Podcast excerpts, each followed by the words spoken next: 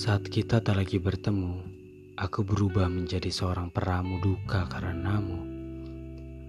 Saat kita tak lagi sejalan, aku bermetamorfosa menjadi seorang pejalan agar aku paham kenapa bukan aku yang kau jadikan tujuan.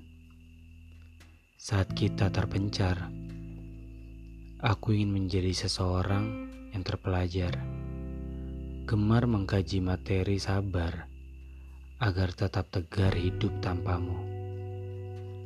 Saat kau memutuskan untuk berpisah, aku menjelma menjadi serangkaian kata-kata yang mungkin bisa menepiskan air mata. Saat kau memilih hidup pada hati seseorang, aku memilih menjadi seseorang yang tertutup. Gemar bermain dalam kamar sembari membersihkan hati yang pernah menjadi kediamanmu.